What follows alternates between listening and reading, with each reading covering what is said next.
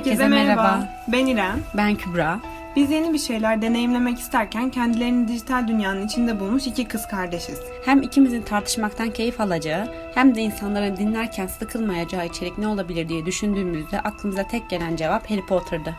Harry Potter serisinin film ve kitaplarını bir nevi karşılaştırırken konunun nerelere gideceğini hep birlikte göreceğiz aslında. Başlamadan önce bizi Harry Potter serisiyle tanıştıran Ayşe Çöplü'ye teşekkürlerimizi iletiriz. Ve şimdi sizi Potter saatiyle baş başa bırakalım.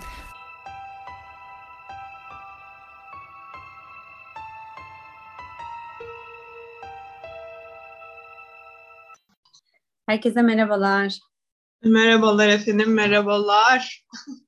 Yüz göz oldum insanlarla. Bugün Sırlar Odası'nın 11. bölümünden yani Düello Kulübü'nden devam edeceğiz. Ay abla, bölüme başlamadan önce daha önceki bölümlerle ilgili bir anımı anlatmak istiyorum. Anlat. Hani hatırlıyor musun bu ölüm günü partisinde Ro'nun karnı guruldamıştı da biz de konuşmuştuk ya işte en korktuğum şey yanlış zamanda Evet. karnı guruldaması.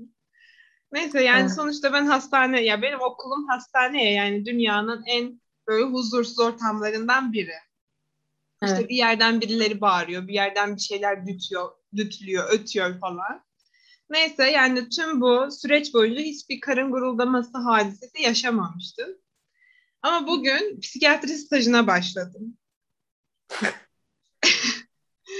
Ve takdir edersiniz ki psikiyatri stajının yani o özellikle poliklinik kliniklerin olduğu yer yani hocanın odası bir hastane içinde bir yer ne kadar sessiz olabilirse o kadar sessiz yani. Ve bil bakalım bugün kim öğle yemeğini doğru dürüst yemeden derse gitti. Lira. O kadar kötüydü ki yani kadın orada hani sonuçta bir derdini anlatıyor. Biz de arkada sessizce dinliyor olmamız gerekiyor ama benim iç- yani midemin içinde sanırsın böyle bir canavar var bağırıp duruyor ya. var ya yani ve asla durdurulabilecek bir şey değil yani.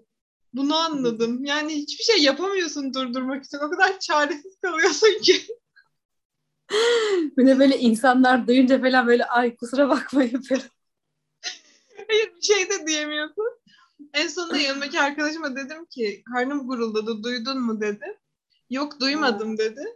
Yani o duymadıysa kimse duymamıştır ama Belki nezaketten öyle demiş. aynen ya da kız çok kibar bir kız zaten belki o yani ben üzülmeyeyim diye söylemiştir. Sen keşke onu bana bir soraydın. Yani olan oldu zaten kızı utandırmayayım demiş olabilir. Aa İrem karnın gurul diyor. Allah. Bu kadardı. Ben de e, ben biliyorsunuz gece yatarken e, Harry Potter dinliyorum. Hani Harry Potter açıyorum. Ama belli Harry Potter filmlerini açabiliyorum. Ölüm Yadigarları 2. Ölüm Yadigarları 1 açamıyorum mesela. Çünkü ondaki bazı sesler ürkütücü geliyor. Uyanıyorum gece.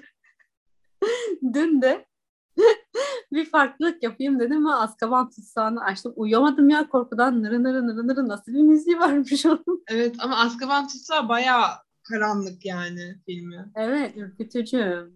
Uyuyamadım sonra değiştirdim. Felsefe taşını bu Diagon yollarını falan açtım. E, film yerine şey de dinleyebilirsin sesli kitabını. YouTube'da falan var biliyor musun? Türkçesi de var, İngilizcesi de var. Evet, Storytel'de var. Şey, e, Harry daha hayatın sillesini yememişkenki zamanları.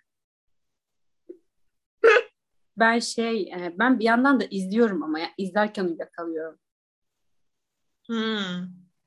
Ama seninki tam yani kötü bir uyku. Sonra Yani nasıl ama işte kapanıyor o peki? kendiliğinden bitince kapanıyor. İki buçuk saat boyunca öyle arkada oynuyor mu? Evet. Ya bir tane TikTok videosu var ya böyle işte gece 10'da böyle klasik müzik açmış uykuya dalıyor. Gece 3 Hı. sularında arka tarafta hadise çalmaya başlıyor hala uyuyor. Mesela bazen dizileri falan izliyorum. Diziler böyle bayağı bir şey sarıyor yani. Birinci bölüm, ikinci bölüm, üçüncü bölüm bayağı bir ilerliyor. Gece uyanırsam falan kapatıyorum işte. Ey Allah'ım ya Rabbim ya. Aslında bence Netflix'te de Spotify'daki gibi otomatik kapatma özelliği gelmeli. Mesela yarım saat sonra kapansın. Evet olabilir o gerçekten. Bak, Gerçekten çok mantıklı bir şey söyledin. Sesleniyoruz orada. Of işte boş yere tıp fakültesinde harcanıyoruz. Şimdi Silikon Vadisi'nde olabilirdik aslında. Aynen. Silikon Vadisi'nde çöpçü.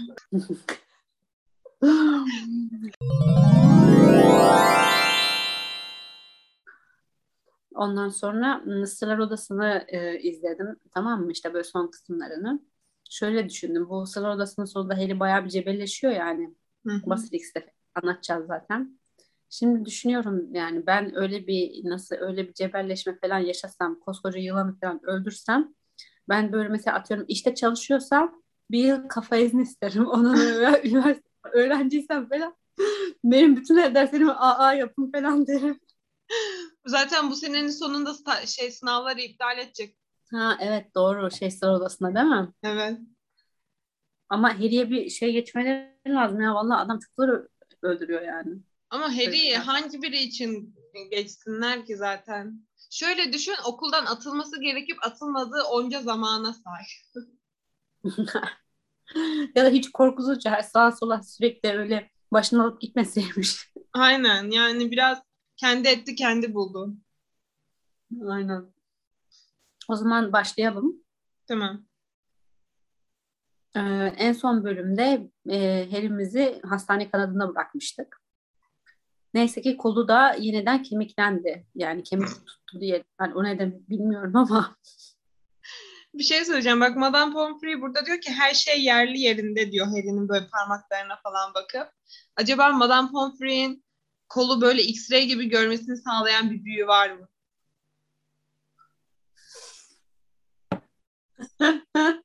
Belki tüm tüm şifacılar gözlerini o büyüden yapıyorlardır ve istediklerini de açıp kapatabildikleri bir özellik haline gelmiştir. o zamanın X-ray ışınları.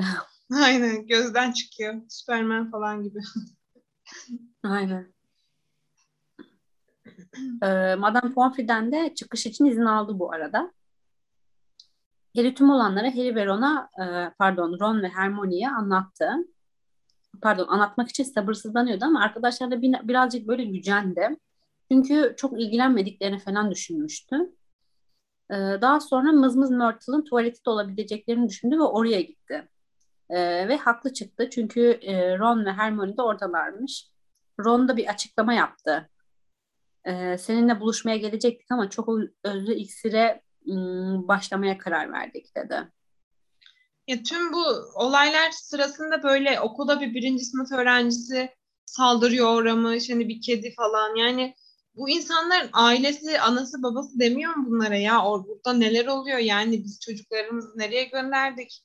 Hani alalım getirelim. Bak bu nasıl bir şey biliyor musun? Düşünsene benim yatılı okuldayken hani küçükken lisede e, bizim okulda biri ölecek ve nasıl öl- öldürülecek daha doğrusu ve nasıl öldürüldüğü bilinmeyecek ve ben aynı okulda okumaya devam edeceğim.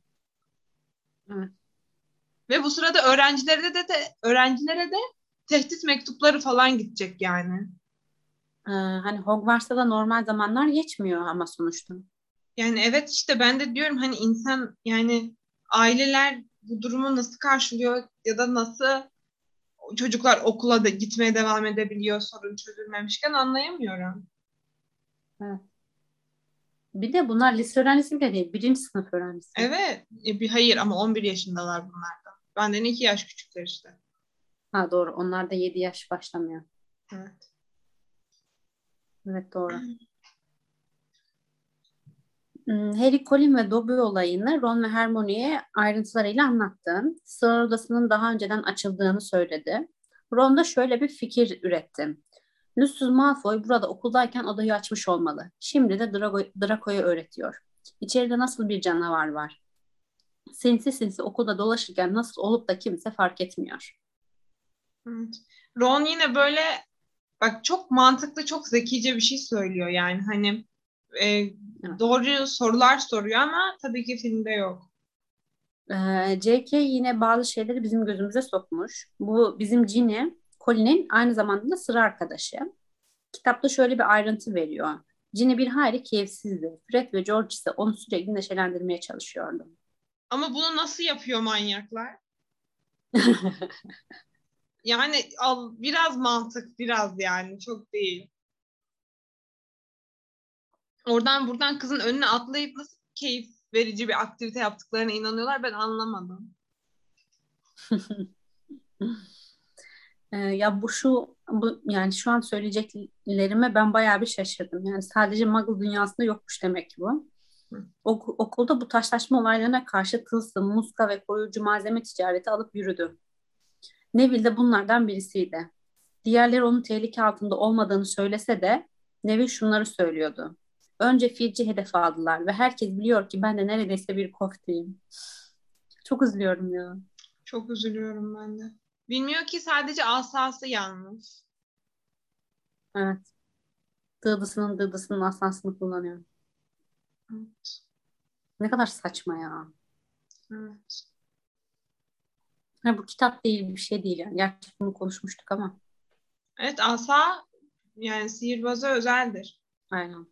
Bir de yani bu işin ticarete dökülmesine ne diyorsun? Evet. Çok ilginç. Ben şunu merak ettim. Kim temin ediyor olabilir ya böyle bir şeyleri okula? Nasıl gelebiliyor olabilir? Nereden giriyor olabilir? Aynen. Bence bu işin başında Fred'den, Fred ve George da çıkabilir yani.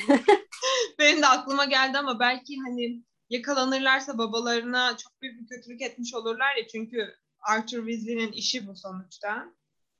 Ee, belki o yüzden yapmamışlardır diye umdum. Her şey olabilir. Ama sonuçta bunlar okulu patlatıp kaçmış ikizler yani her şeyi de yapmış olabilirler. E, zaten yakın tarihe bak arabayı kaçırdılar. evet doğru. Aralık ayının ikinci haftasında Profesör McGonagall her zaman olduğu gibi dolaşıp Noel'de kalacakların ismini topluyor. Bizimkiler de çok, çok özlü iksir için okulda kalmaya karar veriyorlar. Tatil çok özlü iksiri deneyip Malfoy'dan bir itiraf almaya çalışmak için en uygun zaman diye düşünüyorlar. Ee, ancak bir sorun var ki birkaç malzeme sadece Snape'in özel odasında. Hani onların ulaşabileceği bir alanda değil. Bu yüzden onun stoklarına da sızmaları gerekiyor. Ee, ve iksir dersinin zamanı geliyor Perşembe günü öğleden sonra.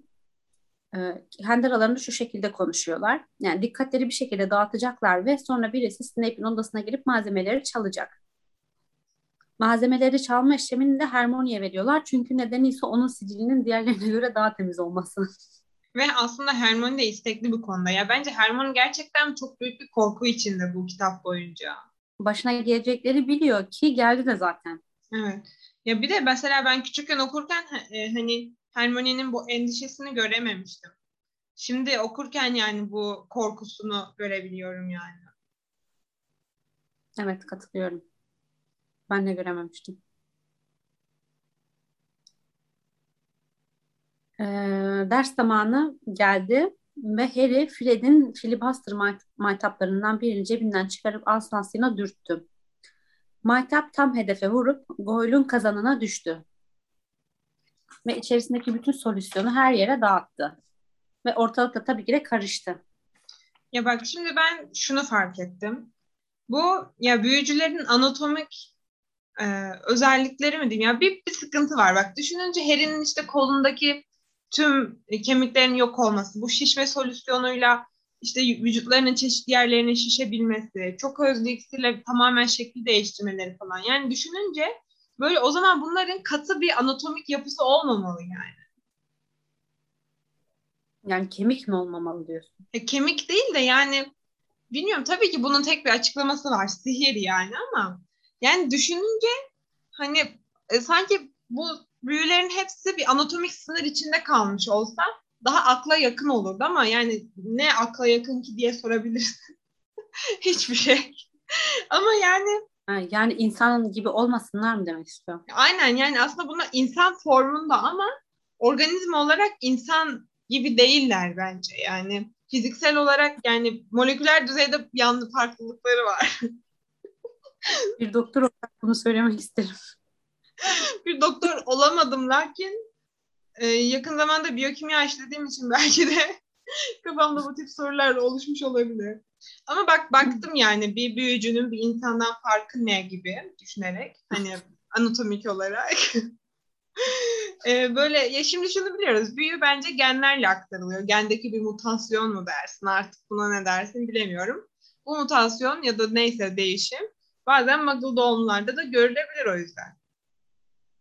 Yani kesinlikle daha uzun yaşıyorlar. Çünkü mesela gördüğümüz en yaşlı karakterler işte Dumbledore, Nicholas Flamel falan. Diğerleri kendi eceliyle ölmüyor zaten. Birileri öldürüyor. Ama kendi eceliyle ölenlerin çoğu bir 150-200 yaşında varlar yani. Onun dışında e, yani türler arası da sonuçta mesela Hagrid yarı dev olarak doğabiliyor. Flitwick'in yarı vampir olduğu söyleniyor. Bunu biliyor Allah muyduk Allah. ya? Hayır, ilk defa duyuyorum. Bu bi- bilmiyorum ben de yani hatırlamıyorum hiç böyle bir şey ama internette bir yerde böyle bir şey okudum. Bu Fitwick kısa boylu olan değil mi? Evet. Ha tamam. Niye bu kadar e, büyük bir endişeyle sorduğumu soruyor. Yani ne bileyim böyle vampir deyince ben daha böyle uzun boylu birisini bekliyordum. Daha şey bekledin sen. Edward Cullen. Efendim ne söyleyeyim. Bella falan gibi bir bekledin. Abla o zaman sana kötü bir haberim var. Harry Potter'daki kurt adamlar Jacob'a hiç benzemiyor.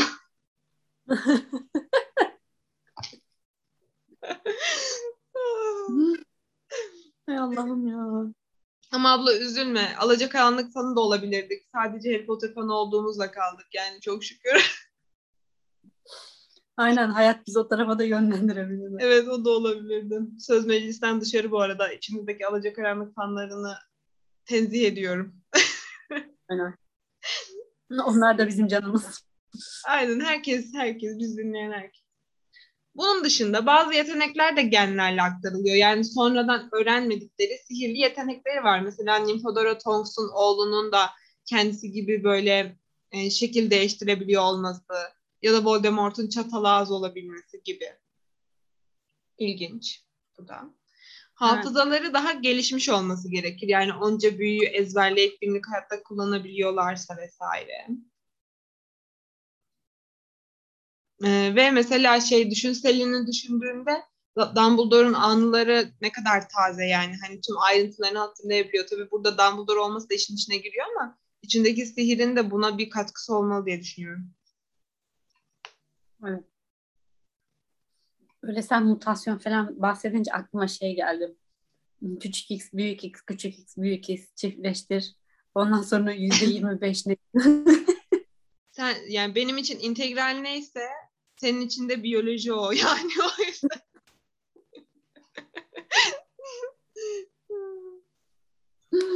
yani bu anlattıklarında kafamda canlanan tek şey bu. Sihir hangi kalıtımla kalıtılıyor merak içindeyim. Daha bir sarmal geliyor, bir sarmal daha geliyor yani. Evet. Mesela mutasyona uğradığında böyle aradaki moleküller yok oluyor falan. Yani bu söylediklerini kabul etsem geçen hafta boyunca dinlediğim 16 saatlik biyokimya dersine yazık. Kabul etmesem burada 45 dakikalık bir bölümde açıklayamam. Yani ben sana ne diyeyim? Krize girdim. Ama çok elimde de bir arkadaşlar elimde de bir yandan DNA sarmallarını gösteriyorum. Ben seni anladım. Umarım yani en azından 10. sınıftan büyük tüm e, kişiler de anlamıştır diye düşünüyorum. Sen buradan yapacağın çıkarımı yapabilirsin. Yani hani bir ışın geliyor da oradaki böyle molekülleri yok ediyor ya belki büyücülük de öyle bir şeydir demek isteyecek. Ama işte aslında tüm bu anlattıklarının kısaca bir açıklaması var mutasyon yani. Hani...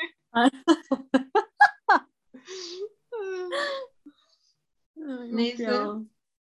Ee, bir de immünitelerinin ve yani dayanıklılıklarının daha fazla olduğunu biliyoruz. Çünkü çok zor sakatlanıyorlar. Ee, Birçok muggle hastalığına karşı bağışık doğuyorlarmış ama kendilerince bir çeşit işte gripleri falan varmış okuduğuma göre. Güzel bilgiler. Teşekkür ederiz. İşte. Abla gerçekten yeter. Ablam DNA'nın helix yapısını göstermeye çalışıyor. işaret parmaklarını kullanarak. Adamlar onu çözene kadar göbekleri çatlamış. Sen işaret parmaklarını küs, hani küs işareti var ya. Onun gibi çaprazlamış DNA diyor yani rezillik.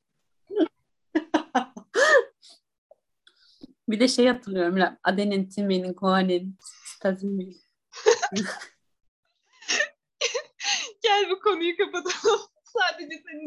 Aynen. Ben hiç burada FX mefix konuşuyor muyum? Yok. Çünkü bilmiyorum yani. Yok tamam. Ben öyle bir içimden geldi. Şaka yaptım.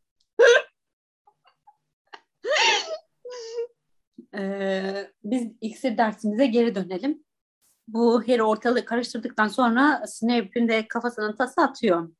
Herkesi sakinleştirmeye çalışıyor falan derken bu sırada Hermione içeriye sızlıyor ve zindandan malzemeleri topluyor. Bu sırada ders zilde çalıyor ve çıkıyorlar. Ama e, Harry'nin içerisinde bir ses var. Diyor ki yani Snape bu işi benim yaptığımı anladı ve bunun acısını benden çıkaracak. Biz biliyoruz nasıl bildiğini Snape'in. Aynen. Zihni. Sen de. Sen. Aynen. çok, çok enteresan bir şey ya. Evet. Ben bu güce sahip olmak isterdim. Ya ben istemezdim. Hayattaki zevkimi alır götürür ya. Düşünsene herkesinkini duyduğunu neler neler duyarsın kim bilir. İşte Edward Cullen gibi. Allah ya. Ama ben hani açıp kapatma düğmesi olacak yani canının istediğini dinleyeceğim. Valla ben de öyle bir şey olsun full açık çalışır hiç kapatamam. İşte bugün psikiyatri stajının ilk günüydü dedim ya hani insanlar diyor ki yani ne yapacağız hocanın odasında? Oturup milleti mi dinleyeceğiz diyor. Herkes çok şikayetçi. Ben köşede böyle gözlerim parlıyor. Oturup milleti dinleyeceğiz.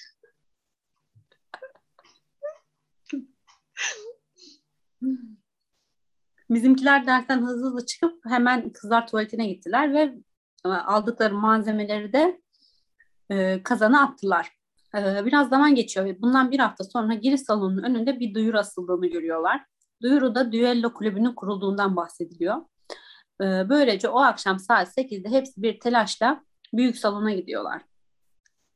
Abla e, farkındaysan şenlikli bir bölüm oluyor. Çünkü ben yine anlamsız bir çok çalıştım. Bu yüzden düello ile ilgili söylemek istediğim birkaç şey var. Şimdi ya bizde nasıl boks şampiyonaları var? Bir dövüş sanatı sonuçta. E, belki de e, yani sihirbazlar dünyasında da böyle bir turnuva vardır diye düşündüm. Sen böyle deyince aklıma gladyatör geldi. yani aynen işte çağlar boyu her toplulukta olan bir şey bu. Ee, bir kültür. Evet. Ve büyücülerde de varmış zaten. En ünlüsü de 1379 senesinde yapılmış düello yarışmasıymış. Bu yarışma 1379 yılında e, Dartmoor'da yani işte İngiltere'de e, meydana gelmiş diyeyim. Muggle'ların dikkatini çekmemek için de gece yapmışlar bunu.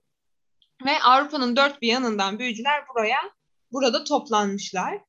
Ee, sonra sihirbazlar geldikten sonra e, işte yarışma bir şekilde usulüne uygun başlıyor. E, tüm bu elene elene elene en sona dört yarışmacı kalıyor. İngiliz bir cadı Elizabeth ve üç tane de sihirbaz. Final Four.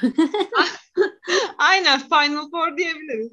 E, dört yarı finalist düellolarına başlamadan önce yargıçlar heyecan verici konuşmalara müdahale ederek onlara büyük düşünmelerini ve takip edecek üç düelloda büyük büyülü cesaret göstermelerini söylemişler.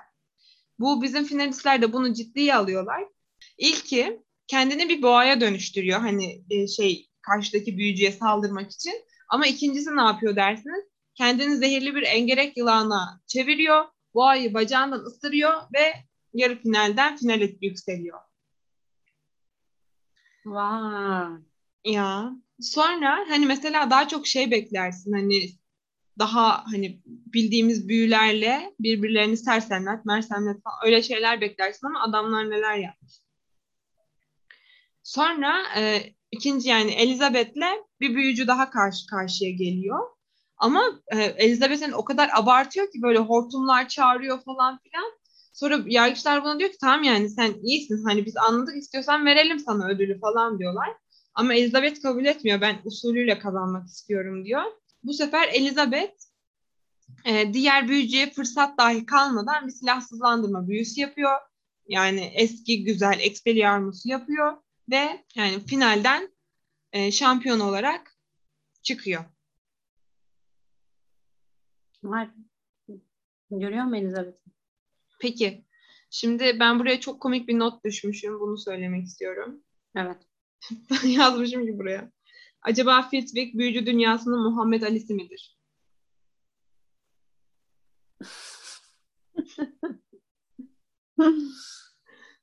Ay. Bilemedim. şey demeni beklemiştim. Aha İrem çok komik evet.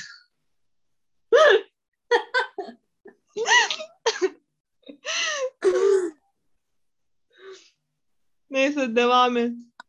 Canım.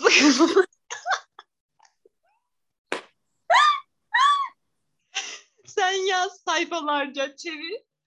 Bilemedim. Kapat çık. Kapat. Ya şimdi Muhammed Ali hani Müslüman olması da falan da ünlü ya. Ha, yani biraz aktivist de bir kimliği var. Ha, yani ben aslında bunu değinecektim ama sonradan acaba girmesem mi konulara diye. İşte abartmam o ünlü bir boksör yani o da sonuçta ben oradan girdim. Devam ediyorum. Bizimkiler büyük salona gidiyorlar ve uzun yemek masaları ortadan kalkmış ve ortaya bir sahne kurulmuş. Hermione şunu söylüyor. Bize kim ders verecek acaba? Birisi bana Flitwick'in gençliğinde düello şampiyon olduğunu söylemişti, diyor. Ancak e, durum farklı. Sahnede yıldızların yıldızı, şahların şahı Gilderoy Lockhart veriliyor. Şey e, bu tüm bu düello kulübü sahneleri filmle birebir uyuşuyor var ya replikler falan. E, hepsi değil. Yani çok büyük bir kısmı yani filmin en çok yakaladığı kısım burası bence. Evet aynen. Bayağı bir güzel hem de yani. Filmde de güzel. Evet. Zaten ben Star Odası'nın filmini seviyorum. Evet ben de seviyorum. Bizim Gilderoy'umuz e, sahnede güneş gibi doğdu. Ve yanında da kim var? Snape. Hatta Gilderoy Snape'i bayağı bir aşağılıyor yardımcım falan diye. Snape de tabii bayağı bozuluyor buna. Ve birbirlerine dönüyorlar ve reverans yapıyorlar. Asalarını tıpkı kılıç gibi bir e, ön kaldırıp önlerinde tutuyorlar. Ve ikisi de asalarını havaya ve omuzlarından arkaya sallıyorlar ve Snape bağırıyor Expelliarmus diye ve Lockhart dönerek yere yapışıyor. Lockhart da asla aşağı yanını vermeden bunu sadece öğrencilerin öğrenmesini istediği için izin verdiğini uzun uzadıya anlatıyor. Snape dü- düello için çocukları ikişerli gruplarla eşleştirmeye başlıyor. Tabii ki bu iksir dersinde olanlar için Harry'den de bir şekilde hıncını çıkaracak. Bunun karşılığında da Harry'i Drago, Draco ile eşleştiriyor. Lockhart birkaç büyü bertaraf etmek için iki tane gönüllü istiyor ve Snape de bu iş için Draco ve Harry'i seçiyor. Ve düelloları başlıyor. Bu dü- düello esnasında Draco bir büyüyle ortaya bir yılan çıkarıyor.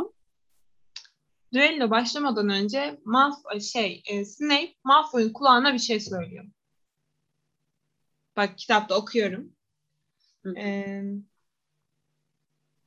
Snape Malfoy'un yanına gel- geldi. Eğildi ve kulağına bir şeyler söyledi. Malfoy da pis pis güldü. Snape Malfoy'a ne dedi? Ne dedi ki Malfoy Harry'nin çatal ağzı olduğunu ortaya çıkartacak tek büyüyü yaptı.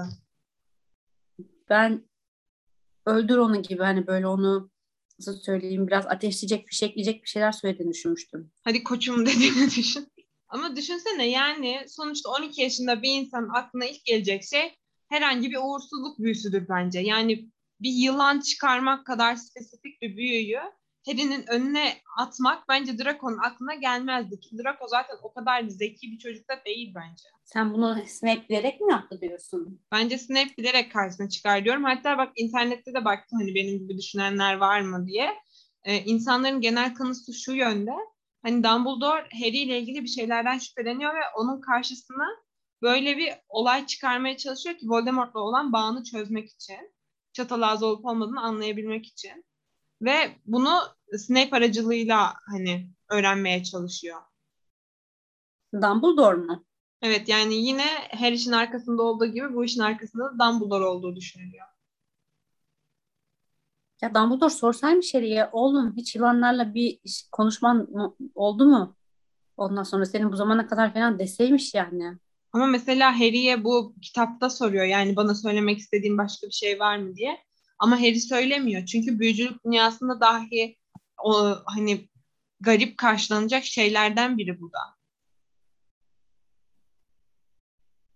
Bir de şöyle Harry zaten yılanlarla konuşabildiğinin de farkında değil, ayırdığında değil. Yani e, şöyle Harry gerçek bir çatal ağzı olmadığı için hani Voldemort aracılığıyla oluştuğu için bu durum bir stres karşısında olmadıkça yılanlarla konuşmuyor ki zaten. Evet zaten ilerleyen yani birkaç zaman sonra normalde hani çatal ağız yani e, yılan dilinde bir şeyler söylemeye çalışıyor ama sadece bir yılan gördüğünde ortaya çıktığını anlayacak.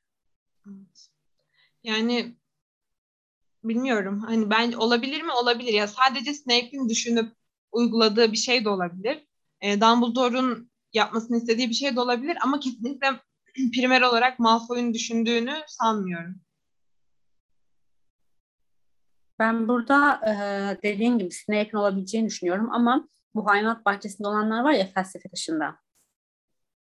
Orada bence oradaki olaylardan da Dumbledore'un haberinin olmadığını da düşünmüyorum. Orada olanlardan haberi vardı. O yaşananları teyit etmek için böyle bir şey yaşatmış olabilir. Hani bak mesela ben burada şunu düşündüm. Hani illa böyle bir şey öğrenmek istiyorsa gerçekten herkesin içinde mi yapmalıydı? Ama Harry de bazı yeteneklerini ya da bazı özelliklerini e, bir stres karşısında kalmadıkça ortaya çıkaramıyor zaten. Konfor alanının dışına çıkması gerekiyor. Evet. Evet. Olabilir mantıklı. Bana mantıklı bir geldi yani. Sağ ol. Neyse hadi bu sefer e, takdirini kazandık. hadi canım hadi.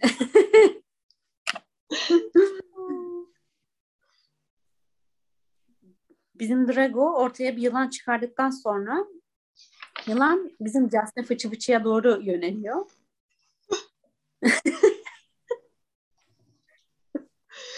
Justin Fıçı Fıçı. Harry de otomatik olarak yılanı hani onu rahat bırakmasını söylüyor ama tabii kendi dilinde yani sadece o biliyor. Diğer hiç kimse bunu bilemiyor. Ve yılan hani aniden yön falan değiştiriyor ama bunu kimse anlamıyor. Hani Ron, Hermione dahil olmak üzere. Evet. Ve Justin fıçı fıçı da bir anda sinirleniyor ve Gülme be. Çok affedersin. Sen ne yaptığını sanıyorsun diye bağırıyor ve salondan çıkıyor. Ve yılan da Snape ortadan kaldırıyor. Ron ve Hermione onu salondan yani Harry'i salondan hızlıca çıkarıyorlar. Harry'nin e, Harry'nin bir çatal ağız olduğu herkes tarafından anlaşılıyor. Bu arada beni az önceki teorimle ilgili düşündüren şöyle bir ayrıntı var. E, kitapta aslında böyle bir şeyden bahsetmiyor ama filmde e, Snape inanılmaz şaşırmış görünüyor. Ama kitapta bahsetmiyor. Bence o hani filmde kurguya uydurmak adına oyunculuk sergilemiş ama kitapta böyle bir şeyden de bahsetmediği için teorim hala, hala geçerliliğini koruyor yani. Evet kitapta bu kadar şaşırtıcı bir şeyden bahsetmiyor. tamam. Ne oldu? Ay beyaz bir şey tamam. yürüyordu ya bitse. Beyaz bir şey Beyaz bir, beyaz bir şey bir, beyazken yürümez. Hı, tamam.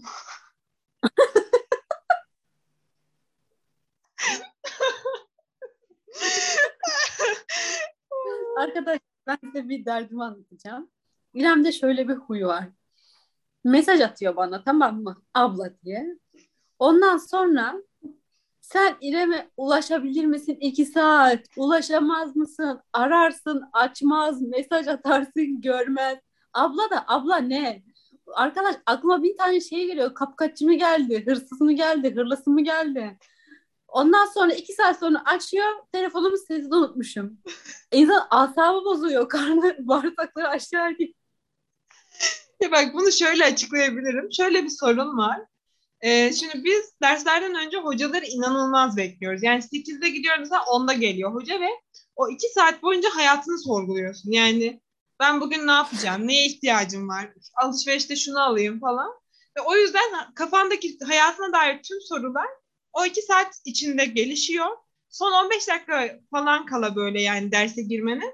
Diyorsun ki tamam ben bu konular hakkında bir şey yapayım. Mesela sana yazacak oluyorum bir şey abla ya da bir şey anlatacak oluyorum, bir şey isteyecek oluyorum neyse. Sonra hoca geliyor bir yandan. O düşüncelerin hepsi buhar olup uçuyor. Sen iki saat derse giriyorsun sonra dersten çıkıyorsun. Hiçbir şey olmamış gibi devam ediyorsun hayatına. yani bunun için açıklamam bu. Hani ruhsal bir bunalımın ardından sana ulaşıyorum. Ama tam ulaştığım anda ders başlıyor. Dersten sonra da zaten unutmuş oluyorum her şeyi. Ondan sonra ruhsal bunalım sırası, sırası Kübra'ya geçiyor. İki saat. düşün Allah düşün. şöyle düşün zaten dünya üzerinde olabileceğim en kötü yerdeyim sürekli. Hastanede. bir şey olsa bile hastanedeyim. Olmasa da hastanedeyim yani. Ya bak korusun yani. İnsan aklına bin tane şey yiyor. Hele ki benim gibi evhamlı bir insanım. Evet. Öyle yani. Bunu da buradan belirtmek istedim. Daha sonra bizimkiler e, koridorlar koridordayken Harry bir olanları anlatıyor. Bu hayvanat bahçesinde Dudley'e olanlardan bahsediyor.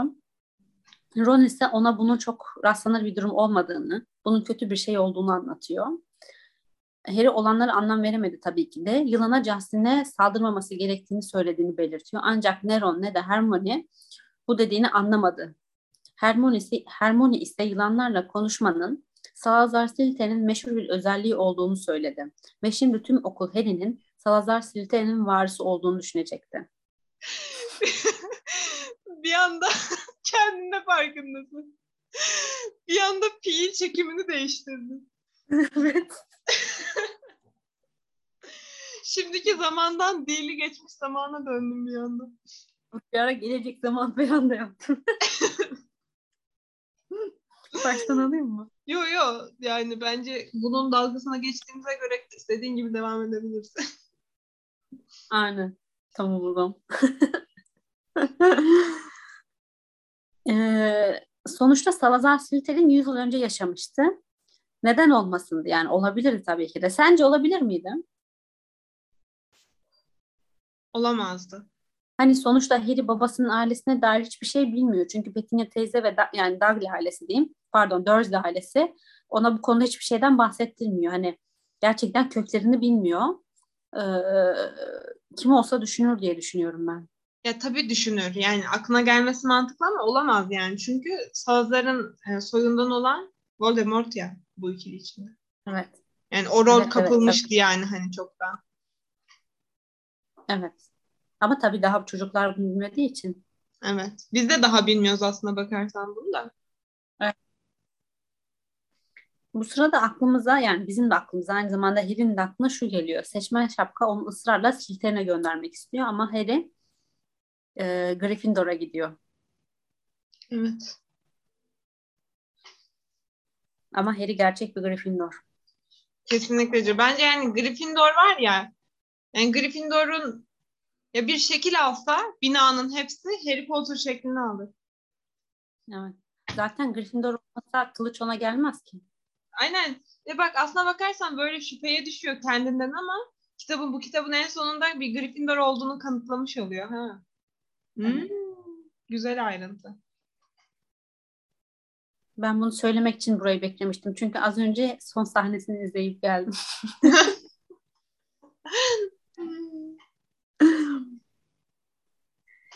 Harry Justin'e e, Justin'i bulup olanları açıklama niyetinde. Justin'in olduğu gruba yaklaşarak konuya girecekteki konuşulanlara kulak kesildi. Kendini de bir nevi gizleyerek.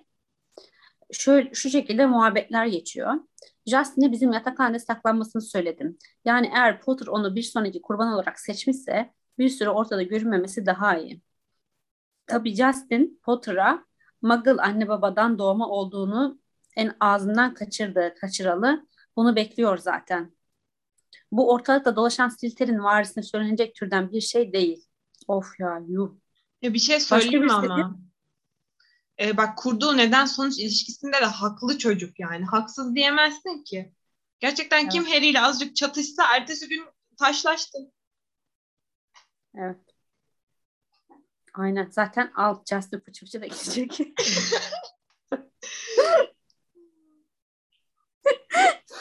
Of ya. Başka birisi de şöyle söylüyor. Kimse kim olduğunu belirsiz senin saldırısından nasıl sağ çıktığını bilmiyor. Böyle bir lanetten ancak güçlü bir kara büyücü çıkabilir. Belki de karanlık lord onu bu yüzden öldürmek istedi. Onunla rekabet edecek başka bir karanlık lord istemiyordu. Çok mantıklı. Valla Ernie biraz kötüsün ama akıllı çocuksun.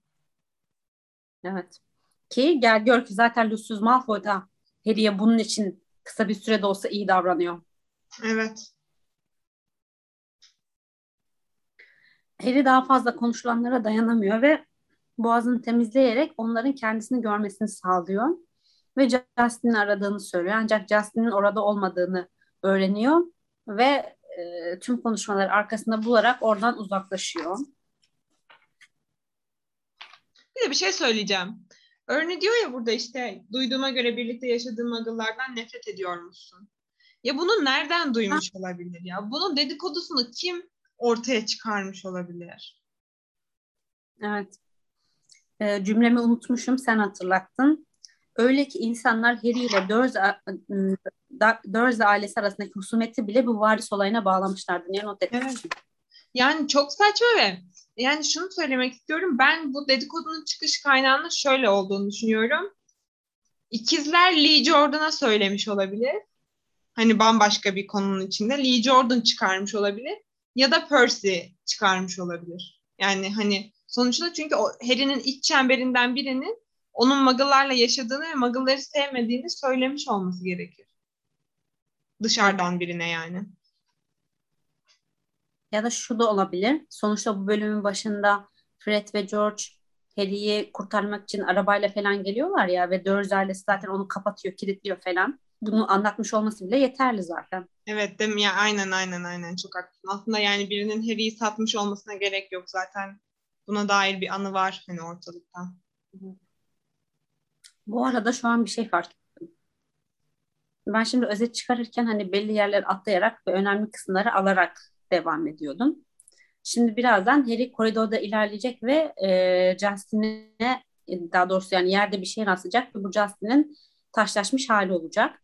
Ama bundan önce bir yer var. Burada diyor ki Harry koridorda giderken Hagrid'le karşılaşıyor. Bu arada Hagrid'le işte olanları anlatacak falan derken ama anlatmaktan vazgeçiyor ve ilerliyor. Ve şu an e, J.K. bunu araya sokmuş. Ben atlamışım şu an fark ettim. Çünkü bir e, sonraki bölümde de Sırlar Odası'nı Hagrid'in açtığından şüphelenecekler. Evet. Aa evet yani Hagrid de aslında olay mahallinde bulunuyor. Evet. Aynen yani Harry bunu aklına getirmesi gerekiyor yani ya da bize de sokmuş olabilir yani. Evet. Peki ben burada bir şey söyleyeceğim. Hagrid şeyler e, buluyormuş ya sürekli ölmüş horozlar. Hı hı. Bunları da Ginny öldürüyor Evet. farkında mısın? Evet. Ve bence bir şey söyleyeyim mi? Bence Ginny karanlık tarafa geçmeliydi. Çok mantıklı yani? olmaz mıydı? Yani Ginny tüm bu yaşadıklarının sonucunda mesela 5. 6. sınıf gibi Voldemort'un tarafına geçmeliydi ve böyle Weasley ailesinin yüz karası bir çocuk olurdu hem. Böyle çok ilginç bir hikaye çıkabilirdi oradan. Harry kimle evlenecekti? Onu da bilir, bulurdu birini.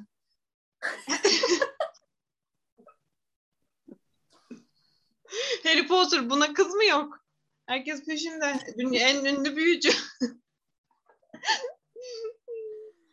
Ama bak Ginny'nin karanlık tarafa geçtiğini bir hayal et. O Bellatrix'le falan takıldığını, Voldemort'un böyle iç çemberine girdiğini. Çünkü düşünsene yani çok karanlık işler yapıyor bu kitap boyunca ve yani onda kalıcı bir hasar bırakması gerekir çocukluğunda yaşadığı böyle bir şey.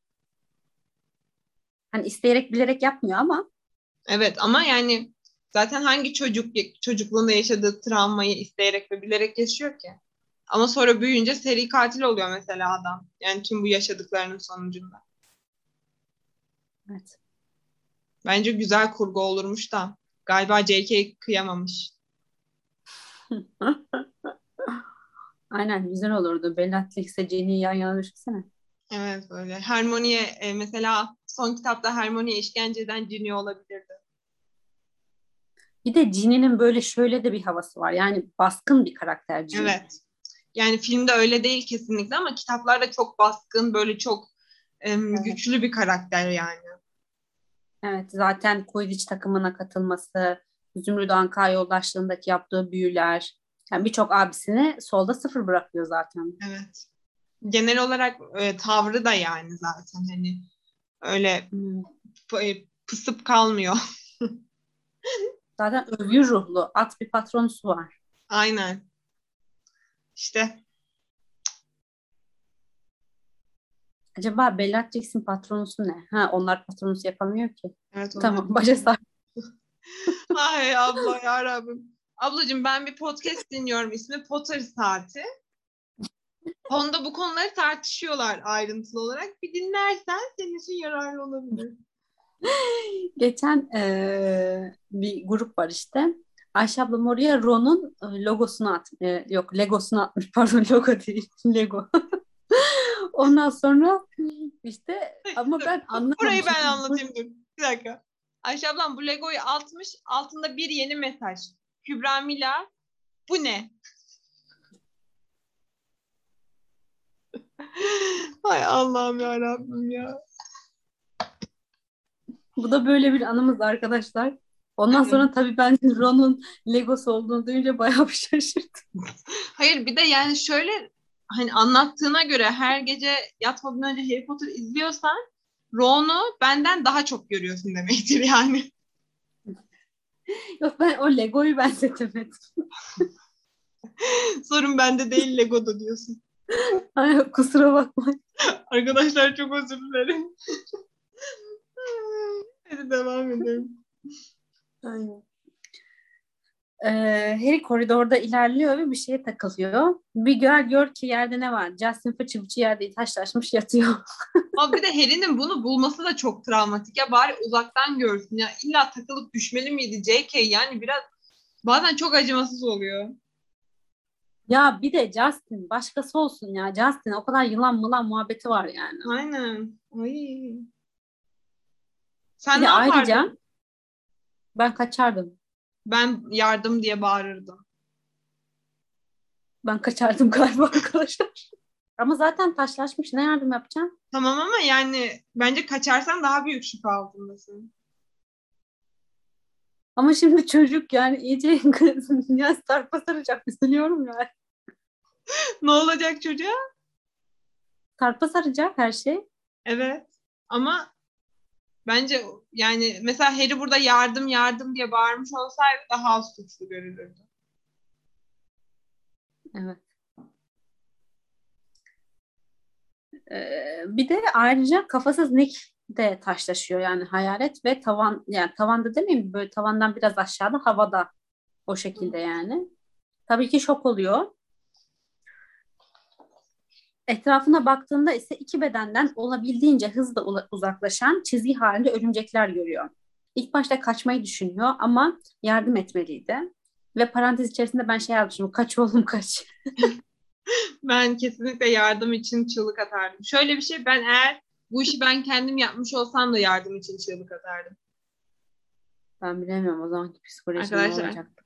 Ben de boşuna sosyopat e, özelliklere sahip değilim. Yani burada bir takım özelliklerim uyuşuyor demek. Bu sırada da Peeves oraya geliyor ve avazı çıktığı kadar bağırıyor Harry'nin yerine. Ay vallahi. Peeves'in sesiyle de her yer insan doluyor. Harry ise olay mahallinde yakalanan tek kişi. Peeves'in Harry'e yazdığı şiir biraz komik değil mi sence de? evet onu yazmadım ben ya. Ben yine böyle bak sevimsiz şeyleri okuyayım hemen senin için. Ah Potter, seni katır. Ah neler yaptın. Ay ama yani buna da gülmek istemiyorum. İkinci mısrası çok kötü. Öğrencileri öldürdün de bunu marifet sandın. ah Potter seni katır. Ya bir şey söyleyeceğim. Bunun İngilizcesi nasıl acaba ya? Bunu nasıl çevirmişler? Dur hemen bakayım bende İngilizcesi var. Ya ben bunu atlamışım ya. Çok güzel. Ah Potter seni. Dur hemen bakıyorum. İrem bundan sonra sinirlenince sana böyle diyeceğim. Ah Potter seni katır. Dur. Hı. Ah Potter you rotter'mış. Ah Potter you rotter. İt herif demekmiş. Sana anlamlarını okuyorum. Güvenilmez adam, it herif, ciğeri beş para etmez. Eşyol eşyol. Yani Potter'la bu kadar uyumlu bir hakaret olması da üzücü yani. Ah Potter seni katır. Bizimkiler yine insaflı davranmış. Aynen. Daha ağır küfürler de dönebilirmiş. Evet. Neyse sonuçta bu bir çocuk kitabı. bu çocuk yani tüm kitap tüm seri boyunca sadece bir kez küfür geçiyor ve onu da Molly Weasley ediyor. Küfür ediyor yani. Evet. Bellatrix'e bitch diyor. Aynen. Hak ediyor zaten. Evet. Helena Bonham Carter. Seviyorum o kadını. Ama çok iyi oynuyor ya. Evet. Aynen. Bu Johnston'ı profesörler hastane kanadına götürüyorlar. Kafasız Nick'i de yelpaze yardım uzaklıyorlar oradan. McGonagall e, Harry'e diyor ki yani benim sana artık diyecek tek bir sözüm dahi yok. Seni Dumbledore paklar diyor ve onu böyle bir sarmal merdivenlerin başına geçiriyor ve şöyle yapıyor. Limon şerbeti.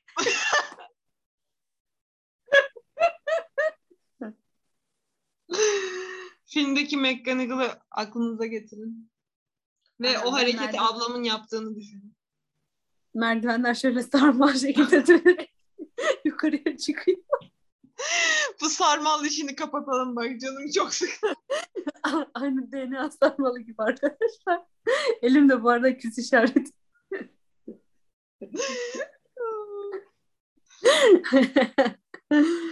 Ay Allah'ım ya. Böylece bir bölümün de sonuna geliyoruz. Evet. Ah Potter seni katır.